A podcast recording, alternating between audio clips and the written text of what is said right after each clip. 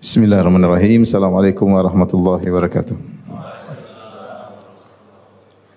Alhamdulillahi ala ihsani wa syukru lahu ala taufiqihi wa amtinanihi wa asyhadu an la ilaha illallah wahdahu la syarika lahu ta'ziman li sya'ni wa asyhadu anna Muhammadan abduhu wa rasuluhu da'ila ridwani Allahumma salli alaihi wa ala alihi wa ashabihi wa ikhwani hadirin dan hadirat yang dirahmati oleh Allah Subhanahu wa taala pada kesempatan yang bahagia ini di majelis yang semoga diberkahi oleh Allah Subhanahu wa taala kita akan membahas topik yang diamanahi kepada saya itu mempersiapkan yang pasti datang itu mempersiapkan pertemuan kita dengan Allah Subhanahu wa taala mempersiapkan kematian yang akan menghampiri kita semua. Dan insya Allah kita akan membahas hal ini uh, melalui tafsir ayat-ayat terakhir dari surat Al-Qiyamah yaitu dari ayat ke-26 ya dan seterusnya ayat ke-26 dan dan seterusnya.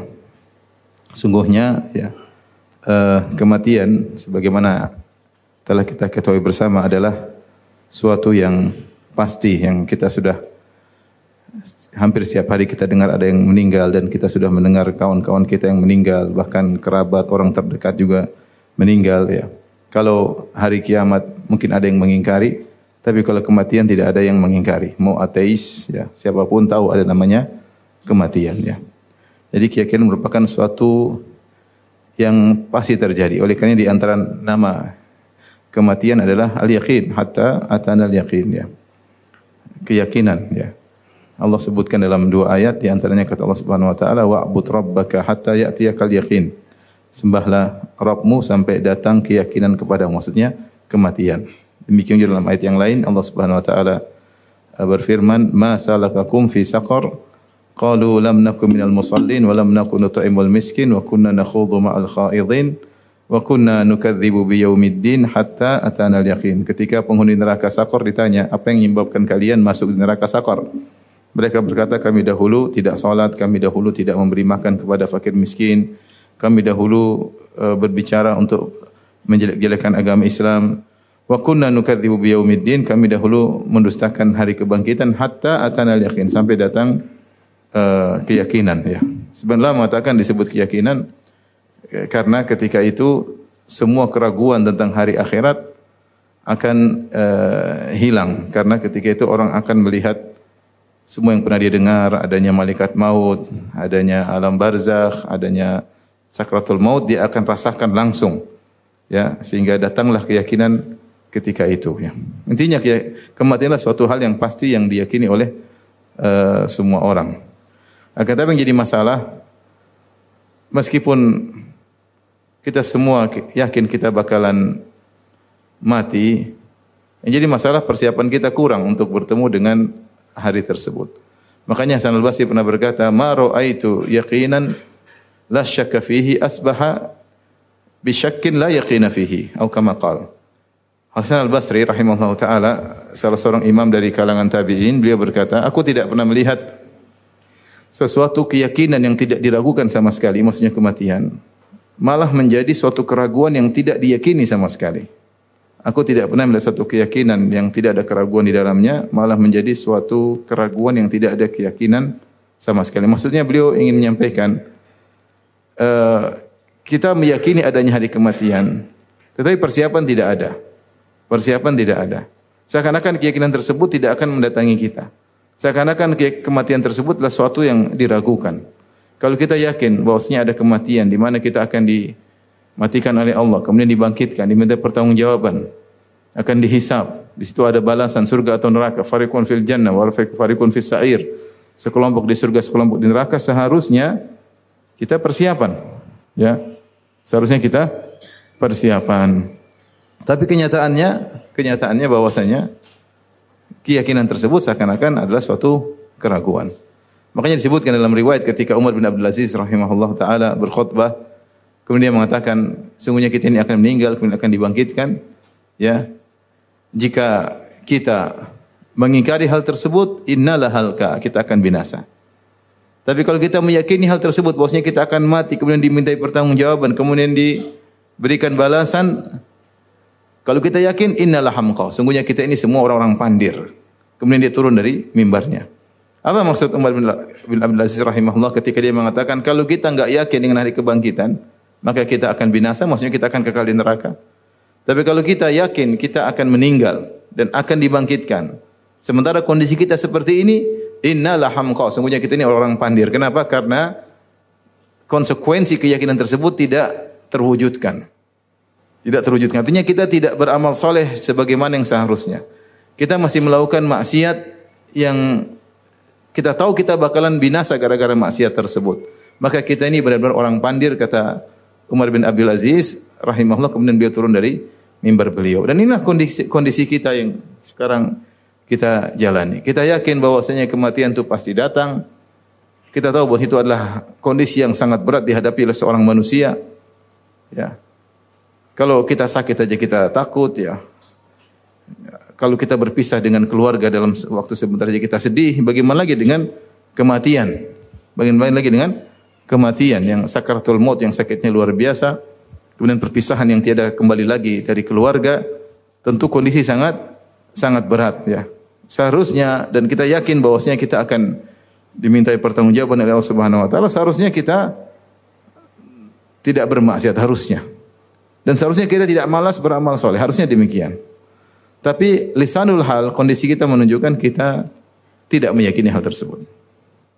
Mau bilang saya yakin, saya yakin, saya yakin, tapi konsekuensinya tidak tidak ada. Maka benarlah perkataan Hasan al-Basri, Ma ru'aitu yaqinan la syakka fihi asbaha bi syakkin la yaqina fihi. Aku tidak pernah melihat satu keyakinan yang tidak diragukan, sekarang malah menjadi keraguan yang tidak ada keyakinan sama sekali. Dan benar perkataan Umar bin Abdul Aziz rahimahullahu taala, kalau kita beriman kita bakalan mati kemudian dibangkitkan kemudian dibalas innalah hamqa. Sungguh kita ini adalah orang-orang yang yang pandir kita semua. Kita ini orang pandir. Ini Umar bin Aziz orang yang soleh dia mengatakan dirinya pandir dan yang lainnya.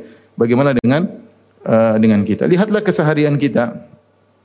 Waktu kita terbuang-buang, amal soleh sedikit, kemudian mata tidak dijaga melihat yang haram, kita dengar seenaknya apa yang kita mau dengar ya. Dan seterusnya dan seterusnya. Ya, lihatlah bagaimana kondisi para wanita yang masih tersibukkan dengan dunia-dunia mereka, masih belum menjadi wanita soleha terhadap suami-suami mereka. Lihatlah bagaimana para suami yang kurang perhatian terhadap keluarga, padahal dia tahu bahwasanya dia akan diminta pertanggungjawaban oleh Allah tentang anak dan istrinya. Oleh karenanya, ini semua yang akan kita sampaikan adalah untuk mengingatkan kita semua, saya pembicara dan juga para audiens, para hadirin, untuk benar-benar mempersiapkan diri bertemu dengan hari uh, tersebut. Ya. Kalau kita baca bagaimana para salafus saleh, mereka benar-benar persiapan untuk bertemu dengan hari hari tersebut. Ya. Sehingga dikatakan salah seorang perawi hadis ya, saya lupa namanya tapi uh, dalam biografinya disebutkan ya. Dikatakan si fulan ini ya, saya lupa Mansur bin Zadan atau siapa namanya nanti bisa dicek ya. Rahimahullahu taala. Disebutkan beliau ini idza ja'ahu idza kana al-malakul maut indal bab kalau seandainya malaikat maut ada di pintu rumahnya dan ingin mencabut nyawanya, dia tidak bisa nambah amal solehnya. Dia tidak bisa menambah lagi amal solehnya. Dia benar-benar persiapan full. Sehingga tidak ada lagi waktu untuk tidak beramal soleh. Semua detik-detik yang dia lewati semuanya adalah amal apa? Soleh. Sehingga kalau ada malaikat datang dia tidak bisa lagi berkutik. Mau tambah apa lagi? Selesai. Semua yang dia lakukan, kegiatan yang lakukan, dari bangun tidur sampai tidur kembali semuanya berpahala di sisi Allah Subhanahu wa taala. Ini contoh yang saya baca uh, apa namanya biografi salah seorang ulama luar biasa bagaimana persiapannya. Ya. Demikian juga kita ulama sekarang aja ulama yang kita lihat langsung bagaimana mereka benar-benar waktu mereka benar-benar berharga. Ya, tidak ada waktu-waktu apa? Terbuang. Tidak waktu-waktu terbuang. Benar-benar mereka menghabiskan waktu untuk persiapan hari akhirat. Syekh Sa'di rahimahullah taala disebutkan biografinya dia merasa kekurangan waktu sampai ketika dia melewati orang-orang yang sedang jagongan orang-orang Arab minum kopi ngobrol sana ngalur ngidul dia mengatakan seandainya saya beli bisa beli waktu kalian saya akan apa beli waktu kalian kenapa dia merasa persiapan masih kurang. Butuh waktu lebih untuk bisa persiapan bertemu dengan hari yang dijanjikan tersebut. Syekh Abdul Razak Hafizahullah pernah cerita sama saya tentang Syekh Bakar bin Abdullah Abu Zaid rahimahullah sudah meninggal dunia. Uh, beliau mengatakan Syekh Bakar bin Abdullah Abu Zaid ketika kalau ketemu lihat keseriusan dalam wajahnya. Ya, bahwasanya seakan-akan ada proyek-proyek akhirat yang banyak di hadapan dirinya sehingga dia benar-benar selalu serius untuk hari akhiratnya. Untuk hari akhiratnya. Dan kita lihat bagaimana Syekh Abdul Razak hafizahullah taala benar-benar waktu beliau manfaatkan Di pesawat beliau baca Quran, bahkan naik helikopter beliau baca Al-Quran. Kemudian bahkan ketika di MRI beliau juga baca Al-Quran. Bahkan tatkala di sedang berobat beliau juga baca Al-Quran. Masya Allah ya. Waktu benar-benar ber, apa namanya uh, berharga bagi mereka karena mereka tahu bahwasanya hari tersebut akan tiba. Nah itu seharusnya kita juga rasakan. Kita ini makin bertambah umur kan, bertambah umur. Kita introspeksi diri, coba kita kita 20 tahun lalu atau 10 tahun lalu dengan sekarang. Kalau masih sama saja berarti kita ini nuntut ilmu percuma, nggak ada progres dalam dalam keseharian kita. Baik bapak maupun ibu-ibu, kalau udah ngaji lama, udah jilbab sudah besar, kemudian sudah bercadar, sudah harusnya kehidupan mulai semakin semakin menuju kepada akhirat. Ada progres mulai semakin banyak baca Al-Qur'an. Ya. Mulai mudah untuk bersedekah ya. Mulai bangun malam untuk sholat malam. Harusnya demikian. Mulai tidak sembarang berbicara ngalur ngidul, mulai mengurangi pertemanan, ya. Karena hari yang dijanjikan tersebut semakin dekat, keyakinan tersebut semakin mendekat. Ya. Tapi kalau kita nuntut ilmu lima tahun, sepuluh tahun, udah ngaji lama, tidak ada perubahan ini masalah berarti. Masalah ya. Bisa jadi niat kita kita nuntut ilmu bermasalah. Makanya Ibnu Qayyim mengatakan kalau ada ilmu tidak menambah ketakwaan, famadkhul, maka ketahuilah bahwasanya ilmu tersebut yang menuntut ilmu niatnya terkontaminasi, niatnya enggak beres. Sehingga tidak membuahkan keimanan, tidak membuahkan apa? ketakwaan, ya. Karenanya ikhwan dan akhwat yang rahmati Allah Subhanahu wa taala, eh, Bapak dan Ibu yang rahmati Allah Subhanahu wa taala. Uh, ini kita duduk bareng-bareng di pagi hari ini dalam rangka untuk saling mengingatkan atas kekurangan-kekurangan kita yang sudah kita lakukan selama ini. Kita bermuhasabah, evaluasi lagi bagaimana kondisi saya. Seandainya saya dipanggil oleh Allah sekarang, apakah saya sudah siap atau atau tidak? Ya.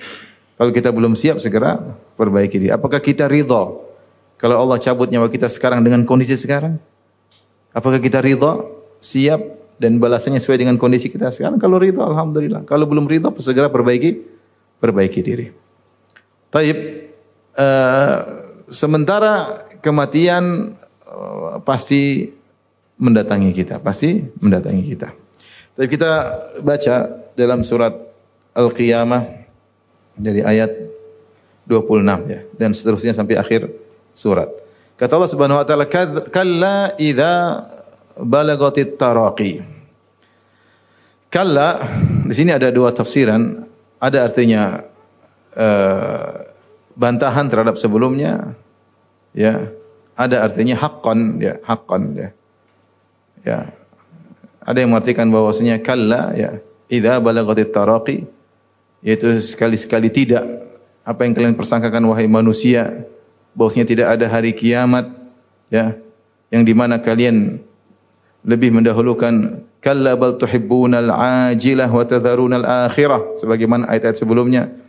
Kalian mencintai perkara yang disegerakan maksudnya kenikmatan dunia. Wa tadharunal akhirah dan kalian meninggalkan akhirat. Maka kalian salah. Maka akan ada hari di mana balagatit taraqi idza balagatit taraqi ketika ruh sudah sampai di taraqi taraqi itu ini turquwah ini, ini. apa nih selangkangan ya eh, bukan kerong bukan bukan selangkangan yang ini selangkangan ini taraqi itu ini bukan bukan kerongkongan ini tulang di ini nih Ini apa namanya ini? Enggak ada. Bahasa Indonesia enggak ada, bahasa Jawa enggak apa-apa. Ini apa? Ini apa namanya ini? Inilah, selangkangan kan? Selangka. Selangka. Ya. Tulang selangka. Ya. Itu namanya rukuwah ya. Jamaknya taraqi. Ya artinya jika ruh sudah mencapai di kerongkongan itu melewati dua tulang ini yang mengitari leher. Kalla idza balagat. Balagat di sini uh, tak ta'nif kembali kepada sesuatu yang sudah ma'ruf yaitu Allah berfirman kalau kita artikan haqqan sungguh benar-benar. Idza balagatit taraqi ketika dia telah sampai kepada kerongkongan. Dia di sini maksudnya adalah roh. Meskipun Allah tidak sebutkan sebelumnya ya, tetapi sudah dipahami maknanya ya. Kalau audiens sudah mengerti, dikatakan dia, orang sudah mengerti maka tidak perlu disebutkan sebelumnya. Seperti firman Allah, Inna anzalnahu fi Lailatul Qadar. Sungguhnya kami telah menurunkannya. Ini kembali ke siapa? Maksudnya Al-Quran sudah jelas. Ya, tidak perlu disebutkan sebelumnya tapi orang sudah pahamnya di sini maksudnya apa? Al-Quran. Sungguhnya kami menurunkannya ya uh, ketika di Lailatul Qadar. Ya.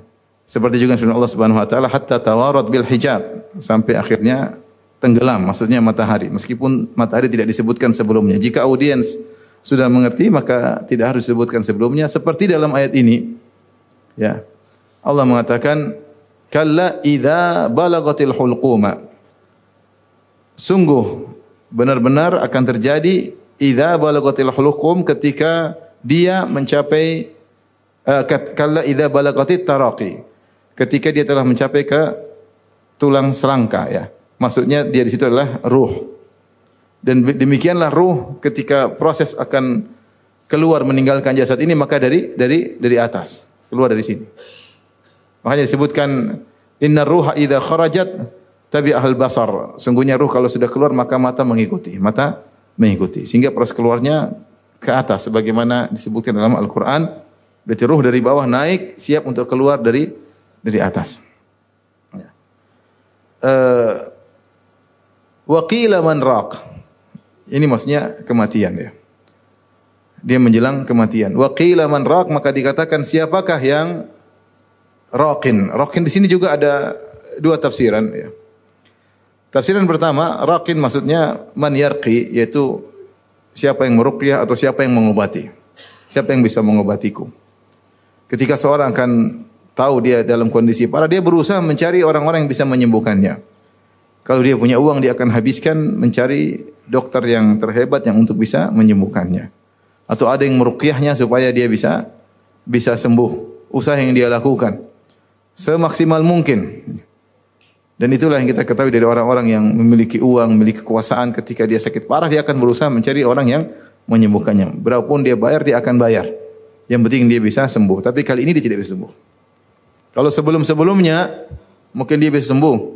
Mungkin dia melewati kondisi-kondisi sulit dan dia bisa berhasil melewati kondisi tersebut. Kali ini tidak bisa. Ya, kali ini tidak tidak bisa. Kalau sudah tiba ajal dan ruh akan keluar maka tidak ada yang bisa menghalanginya. Wa qila man maka dia katakan siapa yang bisa menyembuhkan? Tidak ada yang bisa menyembuhkan. Ini pendapat pertama, menunjukkan lemahnya manusia, tidak kemampuan manusia ketika telah datang kematian. Dia tidak bisa berbuat apa-apa. Siapa dia. Mau raja, mau panglima, mau jenderal, mau orang jago, bertubuh kekar, jika datang kematian, maka maka selesai, ya, maka selesai. Oleh karenanya Allah Subhanahu wa taala menyebutkan aina matakunu yudrikumul maut walau kuntum fi burujim musyayyadah. Di mana pun kalian berada, maka kalian akan dikejar oleh kematian meskipun kalian berada di benteng yang kokoh, di bangunan yang tinggi. Meskipun kalian dijaga oleh ribuan bodyguard, dijaga oleh ya orang-orang yang hebat dengan senjata yang lengkap. Namun jika kematian telah datang, percuma. Mau sembunyi di mana pun, maka akan datang kematian. Ya, makanya ketika datang malaikat maut kepada Nabi Sulaiman eh, kepada Nabi Daud alaihissalam, maka Nabi Daud bertanya, "Siapa engkau?" Ya, maka dia mengatakan, "Aku adalah malaikat yang ya tidak takut kepada para raja ya dan tidak ada penghalang yang bisa menghalangiku." Ya. Kata Nabi Daud, "Idzan anta malakul maut." Kalau gitu engkau adalah malaikat malaikat maut. Ya. ya. Yang raja-raja tidak bisa selamat darinya dan tidak ada penjaga yang bisa menghalanginya. Itu adalah malaikat malaikat maut. Kemudian Nabi Daud alaihissalam pun dicabutnya nyawanya oleh malaikat maut. Jadi seorang ke mana pun dia pergi, ya, maka akan dikejar oleh kematian. Ya. Dan cerita seperti ini banyak ya. Di antara cerita nyata yang saya dengar langsung, ya, ada seorang ketika musim Covid dia benar-benar menghindar dari Covid, tidak pernah keluar dari rumahnya, tidak pernah keluar dari rumahnya. Maka serangan Covid pertama dia di rumah tidak pernah berinteraksi dengan siapa pun. Maka dia selamat. Ketika serangan kedua Delta, dia pun selamat. Dia tidak pernah keluar dari rumahnya. Benar-benar tidak mau keluar dari rumah. Benar-benar tidak mau keluar dari rumah. Ketika datang musim Omikron, kadar Allah mungkin dia menganggap ringan, rumahnya mau direnovasi. Rumahnya mau direnovasi, akhirnya dia pergi ke hotel. Di hotel dia kena Omikron dan dia meninggal akhirnya.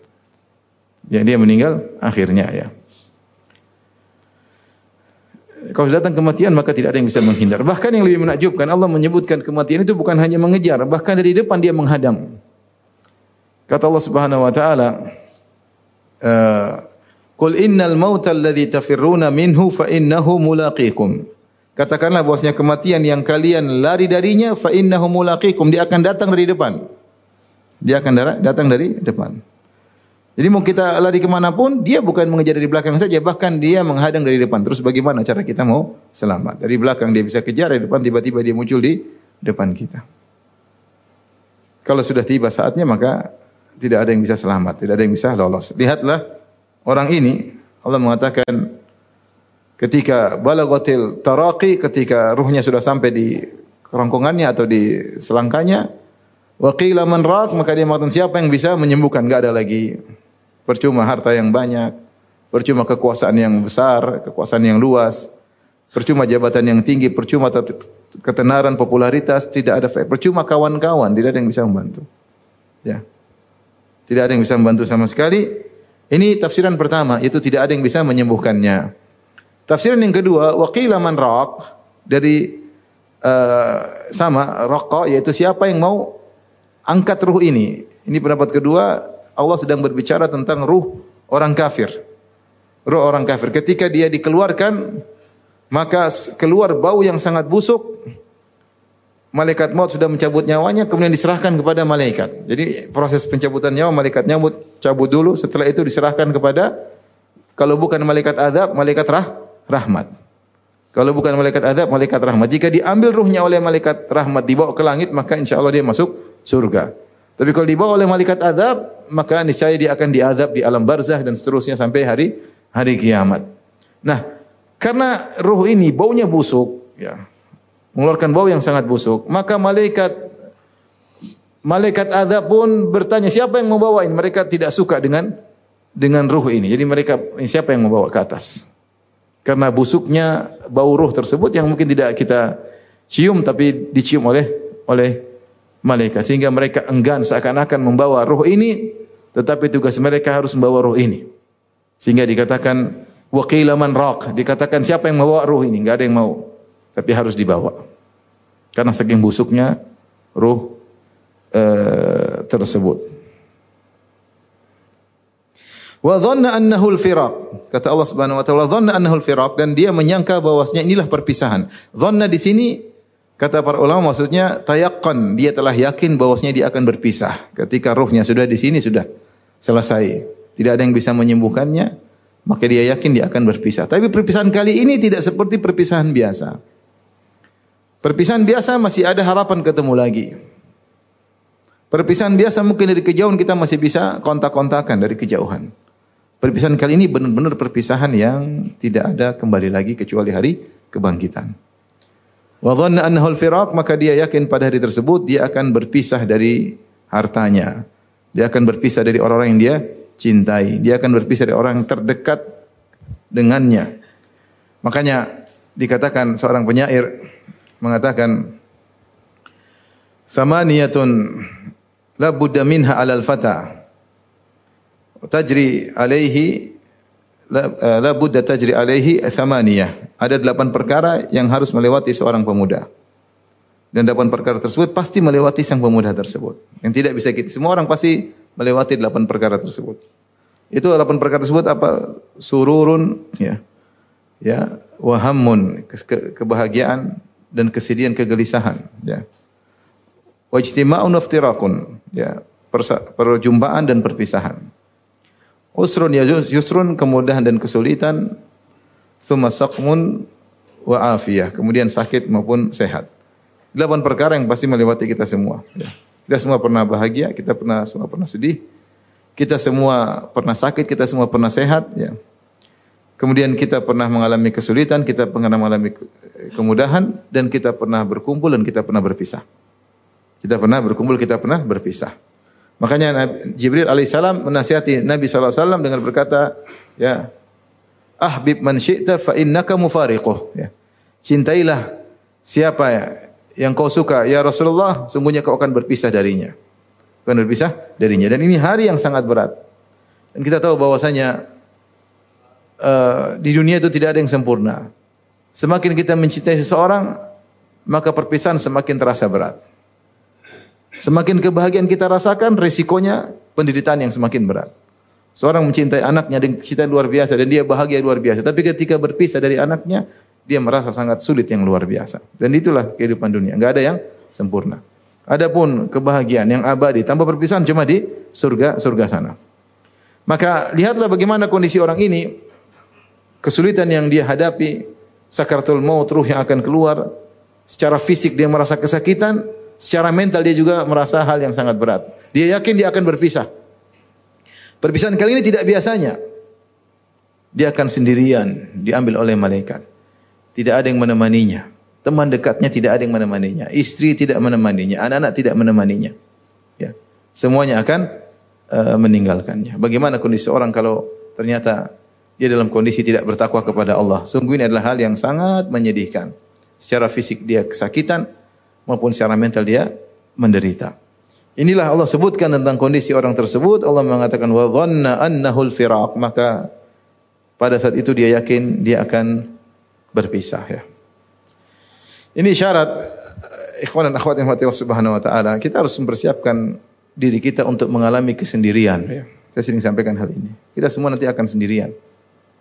Ketika dicabut nyawa, kemudian dikembalikan lagi dimasuk alam barzah, kita kemudian ditinggalkan oleh orang tercinta. Makanya Nabi SAW sebutkan ketika seorang dikubur, Nabi SAW mengatakan, Yatba'ul maid thalath, fayarji al-ithnan wa yabqa wahid mayat akan diikuti oleh tiga perkara, dua kembali, satu tinggal bersama dia. Ahluhu wa maluhu wa amaluhu. Itu keluarganya, hartanya dan amalnya. Adapun keluarga dan hartanya akan meninggalkan dia. Ada yang mengatakan harta maksudnya budak-budaknya. Ya, kalau kita bilang harta maksudnya adalah mobilnya, kekayaannya, semua akan dia tinggalkan. Ya. Mungkin sebagian hartanya ikut ke ke kuburan, mobilnya orang ngantar dia pakai mobil dia. Ya atau pembantunya ikut mengantarnya, kalau dia punya budak zaman dulu ikut mengantarnya, keluarganya, istrinya, anak-anaknya. Namun semuanya akan akan balik, meninggalkan dia sendirian. Ya. Ini akan kita alami semuanya ya. Yang istri dulu mengatakan kita hidup semati, sehidup semati ternyata semati sendirian, tidak ada hidup apa? Semati. Dia tidak mau mati sama kita ya. Dia akan meninggalkan kita. Entah istri tersebut akan menjanda sampai meninggal atau dia nikah lagi sama laki-laki lain kemudian melupakan kita. Ya. Kalau ternyata laki-laki tersebut lebih soleh daripada kita, dia bilang kurang ajar dulu suami saya yang dulu. Dan kita akan sendirian. Anak-anak yang kita cintai pun akan meninggalkan, meninggalkan. Ini kenyataan pahit yang akan kita alami semua. Dan di antara kesedihan yang Allah sebutin atau Nabi SAW sebutkan itu mayat mendengar derap langkah kaki yang meninggalkan dia. Jadi kesedihan tersebut dia rasakan. Sampai Allah membuat dia mendengar. Asalnya mayat tidak bisa mendengar, tapi dia dibuat mendengar khusus, bukan mendengar semua kejadian. Mendengar bagaimana langkah kaki suara terompah meninggalkan kuburan. Situlah semakin bertambah kesedihannya. Kita itu dia yakin bosnya dia sedang bersendirian dalam kehidupan yang baru, dalam kegelapan yang baru. Oleh karenanya Al-Qamah rahimahullah ketika menghadiri janazah Maka dia berkata, "Amma hadza faqad qamat qiyamatuhu." Adapun si fulan yang meninggal ini telah tegak hari kiamatnya. Telah tegak hari kiamat. Maka dikatakan man mata faqad qamat qiyamatuhu. Siapa yang meninggal maka telah tegak hari kiamatnya. Kita enggak usah tunggu hari kiamat nanti ketika bumi dihancurkan kemudian dibuat bumi yang baru. Siapa yang meninggal selesai, telah tegak hari hari kiamatnya. Maka itulah hari perpisahan yang sangat berat. Yang akan kita lewati seluruhnya. Ya. Kita sekarang sekarang kita di dunia ini, kita sedih ketika ada orang yang kita cintai meninggalkan kita. Satu orang aja. Kita padahal masih hidup dan masih ada teman-teman yang lain. Masih ada orang cinta kita cintai masih banyak ya. Taruhlah ibu kita meninggal, kita masih ada orang yang kita cintai, istri kita, anak-anak, kakak adik. Itu pun kita sudah sedih luar biasa. Bagaimana pahitnya ya kehidupan ketika itu. Bagaimana lagi kalau kita yang meninggal dan kita meninggalkan semua orang. Tidak ada teman ngobrol, tidak teman-teman bercengkrama. Masa-masa yang lewat, yang indah lewat semuanya. Ya. Oleh karenanya, kata Allah, wa dhanna annahu firaq maka dia yakin itu adalah perpisahan yang sungguhnya. Perpisahan yang sungguhnya.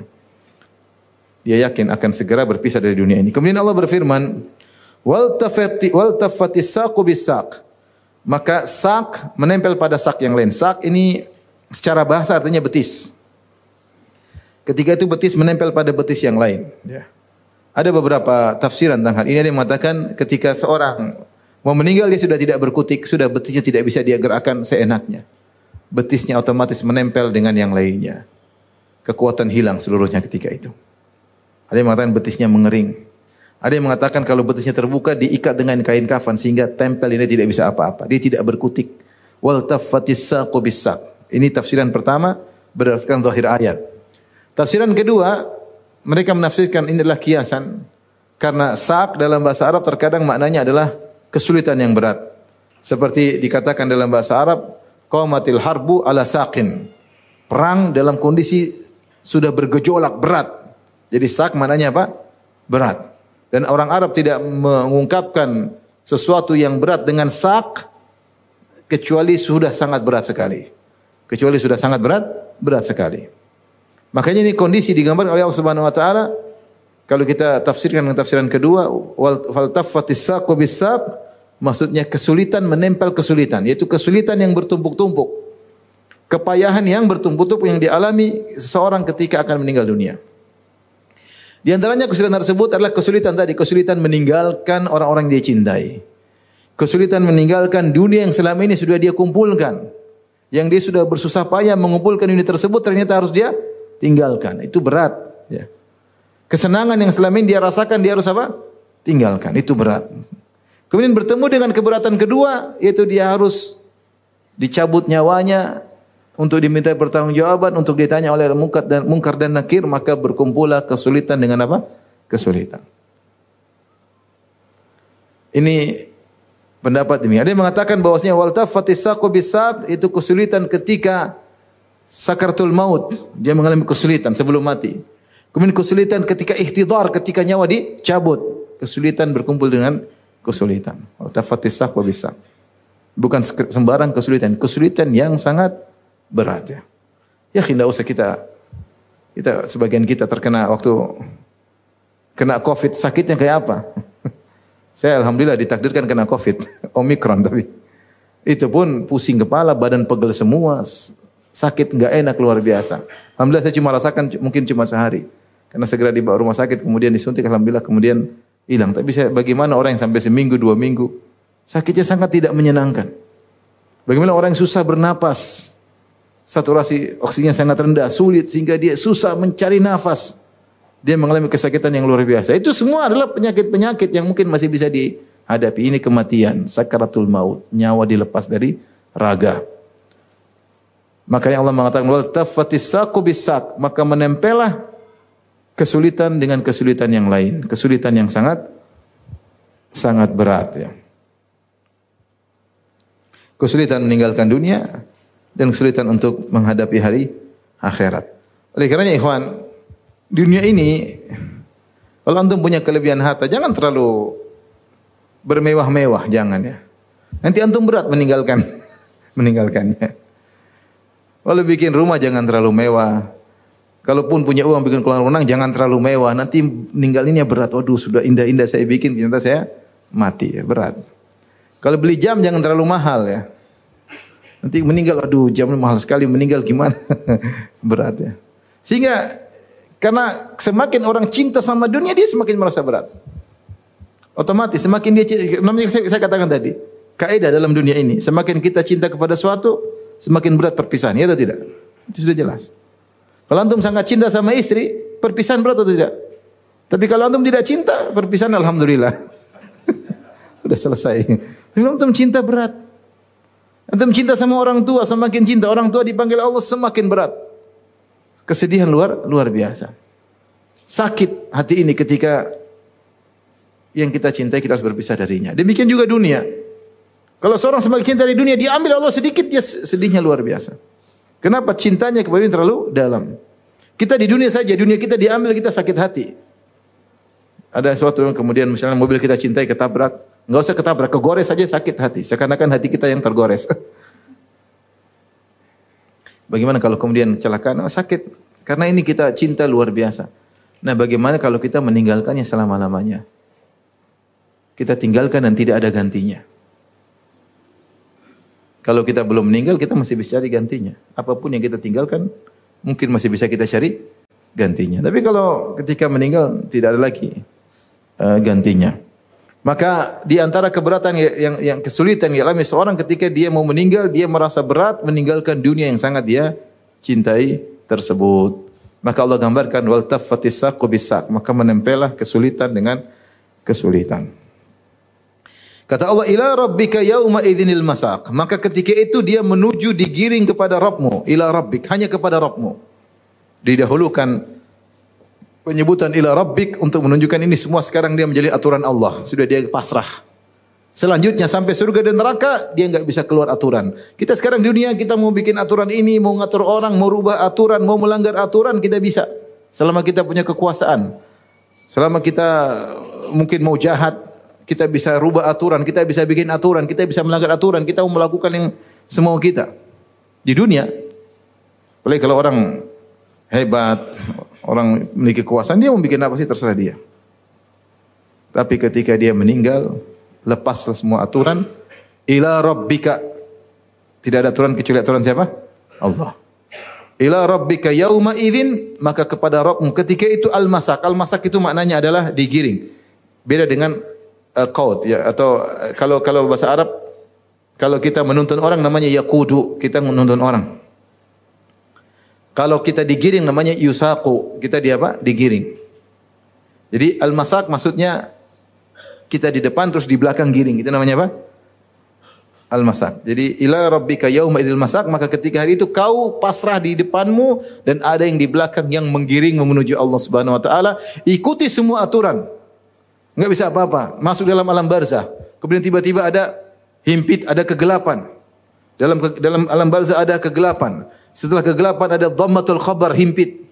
Kemudian direnggangkan. Kemudian datang malaikat mungkar dan kita pasrah aja ikut aturan. Tidak bisa apa-apa. Tidak bisa kabur, tidak bisa lari, tidak bisa tinggal ditanya malaikat mungkar dan nakir. Bisa dijawab dapat tiba, tidak bisa jawab dihantam. Kemudian kita dibangkitkan, kita ikut aturan. Dibangkitkan dalam kondisi bertelanjang, ya, telanjang tidak berpakaian dan tidak beralas kaki. Ya. Tuhsyaruna yaumal qiyamati hufatan uratan ghurlan buhman. Tidak beralas kaki, tidak berpakaian, belum disunat, tidak bawa apa-apa, ikut aturan. Dikiring menuju padang mahsyar, diturunkan mati, enggak bisa berkutik. Enggak ada aturan sedikit pun. Bahkan Allah mengatakan pada hari tersebut, "Anal Malik, aina mulukul ardi?" Aku adalah sang raja hari ini. Mana raja-raja dunia? Enggak ada yang berani. Enggak ada aturan yang berlaku ketika itu kecuali aturan siapa? Allah. Ila rabbika kepada Rabbmu yauma idil masak kau digiring menuju Rabbmu dengan aturan Allah Subhanahu wa taala. Tidak bisa berkutik. Uh, ini kondisi orang ketika akan meninggal, meninggal dunia. Maka setelah itu, maka Allah sebutkan tentang binasanya orang ini. Allah mengatakan, Fala saddaqa wala salla. Lihatlah bagaimana di dunia dulu. Ini tentang ruh orang kafir. Fala saddaqa wala salla. Dia dulu tidak membenarkan Al-Quran, tidak membenarkan Nabi Muhammad SAW, tidak membenarkan berita tentang hari akhirat, tidak membenarkan janji-janji Allah, tidak membenarkan ancaman-ancaman Allah. Fala saddaq, dia tidak benarkan. Yang pertama. Yang kedua, wala salla, dia tidak salat. Tidak salat. Ini menunjukkan salat ni ibadah yang sangat agung ikhwan. Ibadah yang sangat agung salat. Sungguh beruntung orang yang dibuat cinta dengan salat. Sebab Nabi SAW, ya, waju'ilat qurratu aini fi salat. Kata Nabi SAW, dijadikanlah kebahagiaanku pada salat. Rasulullah SAW kalau mau salat, Rasulullah SAW berkata, Ya Bilal arih Nabi salat. Wahai Bilal, istirahatkanlah kami. Ya rilekskanlah kami dengan apa? Dengan salat. Ya, dengan salat. Salat ini kalau seorang sudah mencintainya dia dapat anugerah yang luar luar biasa. Dan inilah ibadah yang paling dicintai oleh Allah. Makanya ketika Isra Mi'raj pertama kali Allah wajibkan satu hari 50 waktu. 50 waktu bukan 50 bukan 50 rakaat, 50 waktu. Kemudian Rasulullah minta keringanan-keringanan sampai akhirnya 5 waktu. Kenapa Allah wajibkan 50 waktu pertama kali? Karena Allah cinta dengan ibadah salat tersebut. Allah mengatakan wasjudu wa qatarib. Sujudlah dan dekatlah dengan Rabbmu. Siapa yang sujud otomatis dekat dengan Allah Subhanahu wa taala. Nabi SAW bersabda, "Innaka lan tasjud sajdatan lillah illa rafa'aka Allah biha khati'ah darajah wa hatta anka biha khati'ah. Tidaklah kau sujud sekali saja karena Allah kecuali Allah angkat derajatmu dan Allah akan hilangkan dosamu. Luar biasa. Ketika seorang datang kepada Nabi sallallahu alaihi wasallam, "Ya Rasulullah, as'aluka marafaqataka fil jannah." Ya Rasulullah, aku ingin agar bisa menemani engkau di surga. Permintaan berat. Kata Rasulullah SAW, awa ghaira dzalik, tidakkah ada permintaan yang lain? Minta sama saya di surga berarti derajatnya apa? Tinggi. Kata Rasulullah, awa ghaira dzalik, tidak ada permintaan lain. Kata dia, huwa dzak, saya cuma mau itu. Apa jawaban Nabi sallallahu alaihi wasallam? Wa inni ala nafsika bi kathrati sujud. Bantu aku agar bisa beri syafaat kepada engkau hari kiamat kelak supaya bisa sederajat denganku atau dekat denganku bi kathrati sujud dengan banyak apa? Sujud. Maka salat ini ibadah yang sangat agung. Maka dalam ayat-ayat Al-Qur'an disebutkan ya orang yang mulia Wa dzakara asma rabbih fasal fasalla. Salat. Sebaliknya orang yang celaka seperti ini, fala saddaqa wala shalla. Dia tidak salat. Tadi yang dalam neraka sakar, ma salakakum fi sakar? Qalu lam nakum minal musallin. Kami dulu tidak tidak salat. Maka ikhwan dan akhwat, nasihat dulu saya pribadi untuk antum sekalian. Sering-sering salat. Enjoy dalam salat. Kalau salat jangan buru-buru nikmati. Sujud nikmati zikirnya. Kita sedang bercengkerama dengan Allah, sedang bermunajat. Kata Nabi sallallahu alaihi wasallam, "Inna ahadakum idza kana fi salat fa innahu yunaji rabbahu." Sungguhnya salah seorang di antara kalian kalau sedang salat, dia sedang bercengkerama. Munajat itu bercengkerama berduaan. Berbisik-bisik. Nikmati salat tersebut. Lihatlah bagaimana Abdullah ibnu Zubair radhiyallahu anhu. Kalau beliau sudah salat maghrib, kemudian beliau salat sunnah, dia maghrib, beliau sujud dan beliau tidak angkat kepala beliau kecuali adzan isya menikmati salat tersebut. Menikmati salat tersebut. Oleh karenanya perbanyak sujud, perbanyak salat. Kita sekarang hidup di zaman buat kita tidak sempat apa? Salat. Sibuk dengan WhatsApp, sibuk dengan medsos, sibuk dengan kegiatan, salat nggak sempat. Ya, lima waktu lima waktu aja mah kita. Oke itu bagus. Tapi kita butuh banyak salat. Salat ini luar biasa. Makanya Orang ini dicela kenapa? Di antaranya fala saddaqa wala shalla. Dia dulu tidak membenarkan, dia mendustakan. Dia tidak membenarkan. Wala shalla dan dia tidak salat. Dia tidak salat. Walakin kadzdzaba wa tawalla akan tapi dia dulu mendustakan dan dia berpaling. Mendustakan dan dia ber, berpaling. Dia sudah tidak membenarkan, kemudian juga dia mendustakan dan dia tidak salat dan dia berpaling. Thumma dhahaba ila ahlihi yatamatta. Sudah begitu dia kalau pulang ke rumah yatamatta, jalan yatabakhtar sombong. Yatamatta itu menjulurkan, dia jalan sambil menjulurkan mungkin kepalanya, mungkin tangannya menunjukkan dia jalan dengan penuh kesombongan. Dan ini sebagaimana Allah sebutkan dalam ayat yang lain ya. Uh, seperti Allah mengatakan ya uh, dalam surat yang Allah mengatakan subhanahu wa taala uh, Innahu kana fi ahlihi masrura. Dia dahulu ketika di keluarganya di dunia senang-senang aja ya. ya. Senang-senang aja. Bangga, sombong ya. Sudah melakukan banyak kesalahan, senang-senang bahkan sombong. Maka ini aneh orang ini sudah mendustakan, tidak membenarkan, berpaling, tidak sholat, kemudian pulang ke rumah dengan sombong. Setelah itu Allah berkata, "Aula aula laka fa aula." Celaka engkau dan celaka engkau. Thumma aula laka fa aula. Kemudian celaka engkau, kemudian celaka engkau. Kata para ulama di sini Allah sebutkan empat celaka, celaka, celaka, celaka, celaka.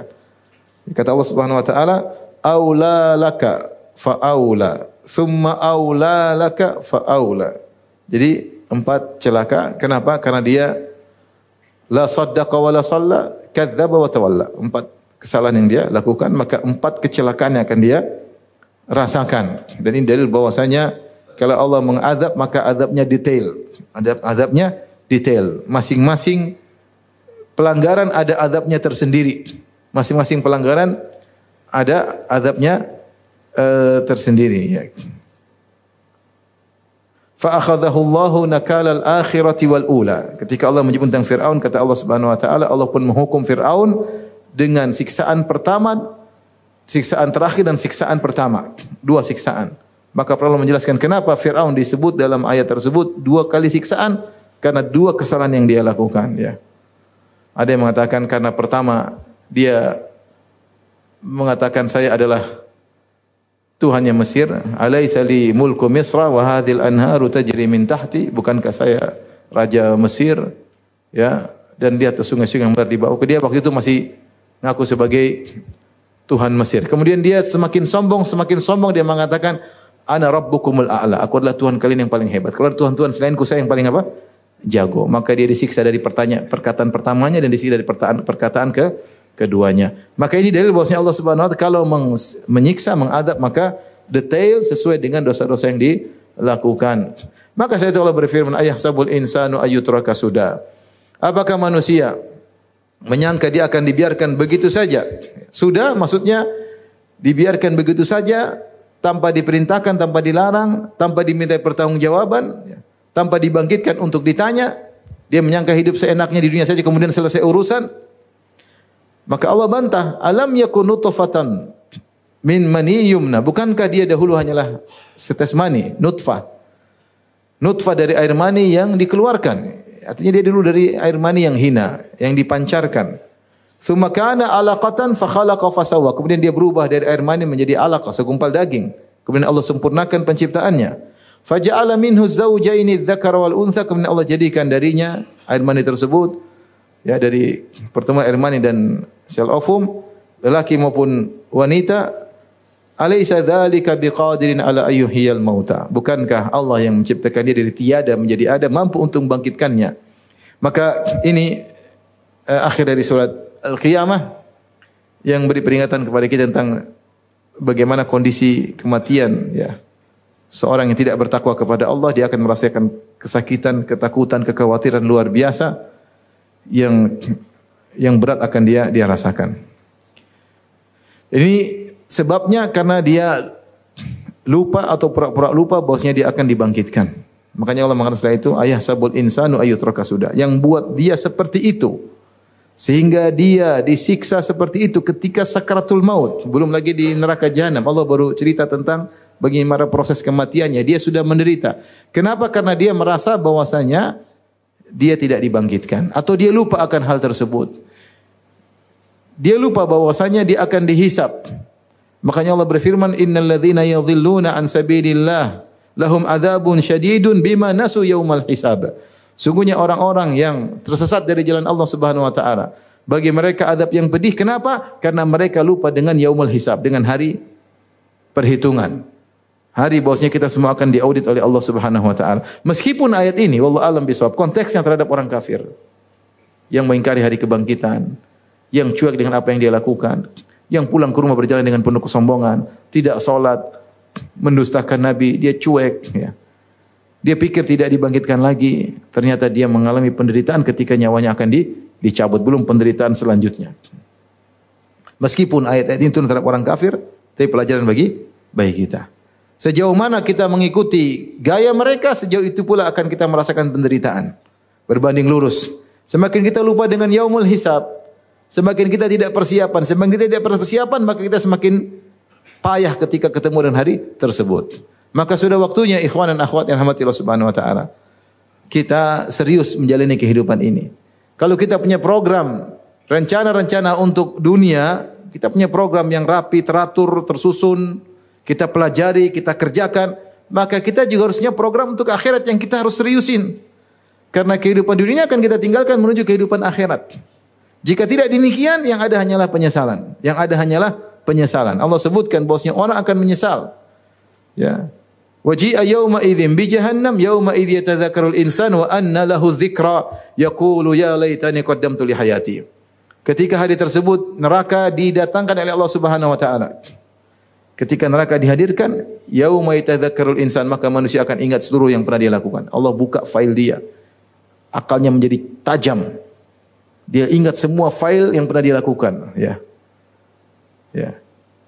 Sekarang kita banyak yang kita lupakan, tapi semua akan dilihat. Kita akan lihat semua apa yang kita lakukan. Kita akan tahu semua apa yang kita lakukan.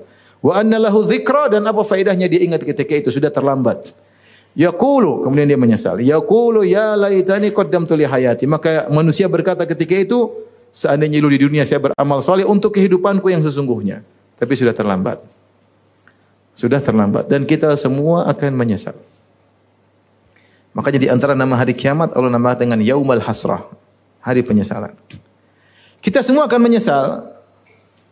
Saya atau antum semuanya akan menyesal. Ibnu Katsir menyebutkan ayat ini bukan cuma orang kafir, bukan cuma pelaku maksiat. Pelaku orang kafir jelas menyesal kenapa tidak beriman kepada Nabi SAW. Orang pelaku maksiat pasti menyesal kenapa dia bermaksiat. Bahkan orang-orang soleh juga menyesal kenapa dulu amal solehnya kurang. Kenapa dulu ketika berbakti sama orang tua dia kurang berbakti. Kenapa ketika baca Al-Quran kurang serius. Baca Quran sambil baca WhatsApp gimana mau baca Al-Quran. Kenapa dulu dia sholat malam cuma tiga rakaat, kenapa tidak sebelas rakaat? Kenapa tidak delapan rakaat? Kenapa tidak?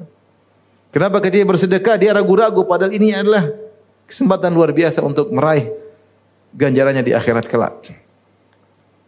Para ibu-ibu juga banyak yang menyesal nanti. Ibu-ibu dengar atau tidak? Bapak-bapak bilang dengar. Akan menyesal pada hari kiamat. Menyesal dulu kenapa tidak berbakti kepada suami menyesal kenapa dahulu tidak menyenangkan hati suami. Padahal itu ibadah yang sangat agung. Ya. Saya kemarin ditanya oleh seorang wanita. Ustaz, umur saya sudah 50 tahun Ustaz.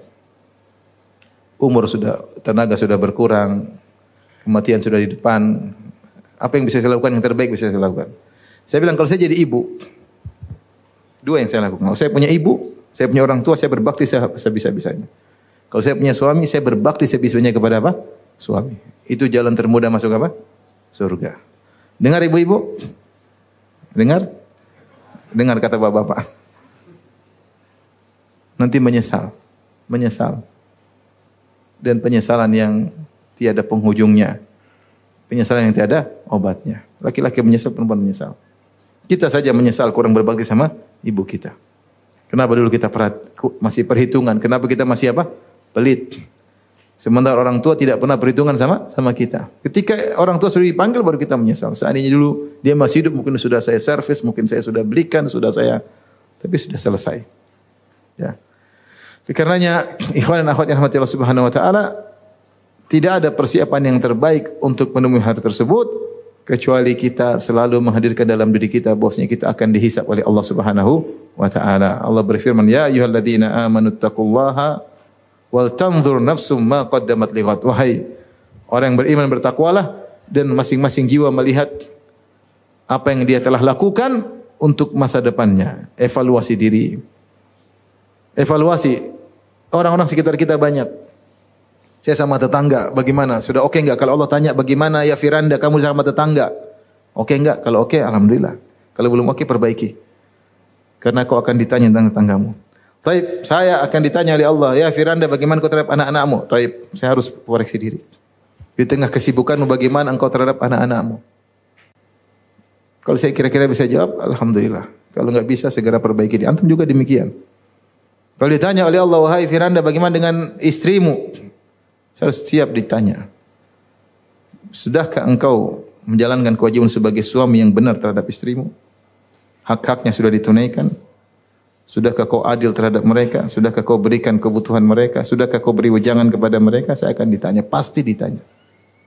Pada orang tua sudah selesai, orang tua saya sudah meninggal. Saya akan ditanya tentang ilmu yang sudah saya pelajari, saya dakwahkan, sudahkah saya menjalankannya? Tanya pada diri sendiri sebelum kita ditanya oleh Allah Subhanahu wa taala. Itu persiapan yang terbaik menurut saya. Evaluasi diri. Jangan kita berjalan begitu saja tanpa kita evaluasi. Nanti kita kaget tiba-tiba diwafatkan oleh Allah, kita tidak bisa menjawab pertanyaan-pertanyaan ditujukan kepada kita. Ini saja ikhwan dan akhwat yang Allah Subhanahu wa taala yang bisa sampaikan. Semoga Allah membuka hati kita semua untuk lebih persiapan menemui hari yang sangat dahsyat tersebut. Hari kematian yang akan mendatangi kita semuanya. Sebagaimana perkataan seorang penyair, ta'addadatil asbab wal mautu wahid. Sebab-sebab kematian itu banyak tapi menuju pada satu tujuan yang sama yaitu kematian. Man lam yamut bisayfin mata bi Siapa yang tidak meninggal dengan tusukan pedang dia akan meninggal dengan sebab yang lain. Ta'addadatil asbabu wal mautu wahid. Sebab-sebab kematian itu banyak dan semuanya mengantarkan kepada satu tujuan sama-sama kematian. Kalau kita tidak meninggal gara-gara Covid, kalau kita tidak meninggal gara-gara kecelakaan, akan meninggal dengan cara yang Allah kehendaki. Maka persiapkan hari tersebut agar ketika didatangi kematian kita bisa kuat dan bisa nyaman ketika itu sebagaimana Allah sebutkan tentang orang yang istiqamah Innal ladzina qalu rabbuna Allahu tsumma istaqamu tatanazzalu alaihimul malaikatu alla takhafu wa la tahzanu. Sungguhnya orang-orang yang berkata kami beriman. Kemudian mereka istiqamah lihat bagaimana ketika mereka meninggal. Tatanazzalu alaihimul malaika maka turunlah malaikat. Turun kepada dia kepada mereka dengan berkata Allah takhafu wa tahzanu jangan takut dan jangan bersedih. Wa abshiru bil jannati allati kuntum tu'adun bergembira dengan surga yang dijanjikan kepada kepada kalian. Maka dia menjalani proses ikhtidar pencabutan nyawa dengan nyaman. Kenapa selama ini di dunia dia beriman dan dia istiqamah. Sampai kata Nabi SAW dalam hadis, Man ahabba Allah, man ahabba liqa Allah, ahabba Allah liqa'ahu. Wa man kariha liqa Allah, kariha Allah liqa'ahu. Siapa yang suka untuk bertemu dengan Allah, maka Allah pun suka bertemu dengan dia. Dan siapa yang tidak suka bertemu dengan Allah, Allah pun tidak suka bertemu dengan dia. Bagaimana kondisi ini? Nabi menjelaskan kepada Aisyah, bukan masalah takut kematian, berarti benci kematian. Tetapi kata Nabi ketika kata Aisyah mengatakan, "Ya Rasulullah, bukan kita semua takut kematian?" Bukan begitu maksudnya wahai Aisyah. Ini bukan masalah takut kematian tidak. Takut kematian perkara yang biasa tabii. Tapi kata Rasulullah SAW, jika seorang sakratul maut dan ihtidar, maka diberi kabar gembira kepadanya bahwasanya kau akan masuk surga, kau akan fala wala takhafu wala tahzanu, jangan khawatir, jangan bersedih. Ketika itu pun dia segera ingin masuk surga dan dia rindu untuk bertemu dengan Allah, ketika itu Allah pun rindu bertemu dengan dia. Adapun sebaliknya kalau ternyata tukang maksiat, maka dia perlihatkan kepada dia bagaimana adab di neraka jahanam, diperlihatkan tempatnya di neraka jahanam, maka dia pun benci dan takut tidak mau bertemu dengan adab tersebut maka ketika itu Allah pun benci bertemu dengan dengan dia. Demikian. Makasih, demikian saja apa yang saya sampaikan. Kalau ingin maaf. Wabillahi taufiq hidayah. Assalamualaikum warahmatullahi wabarakatuh.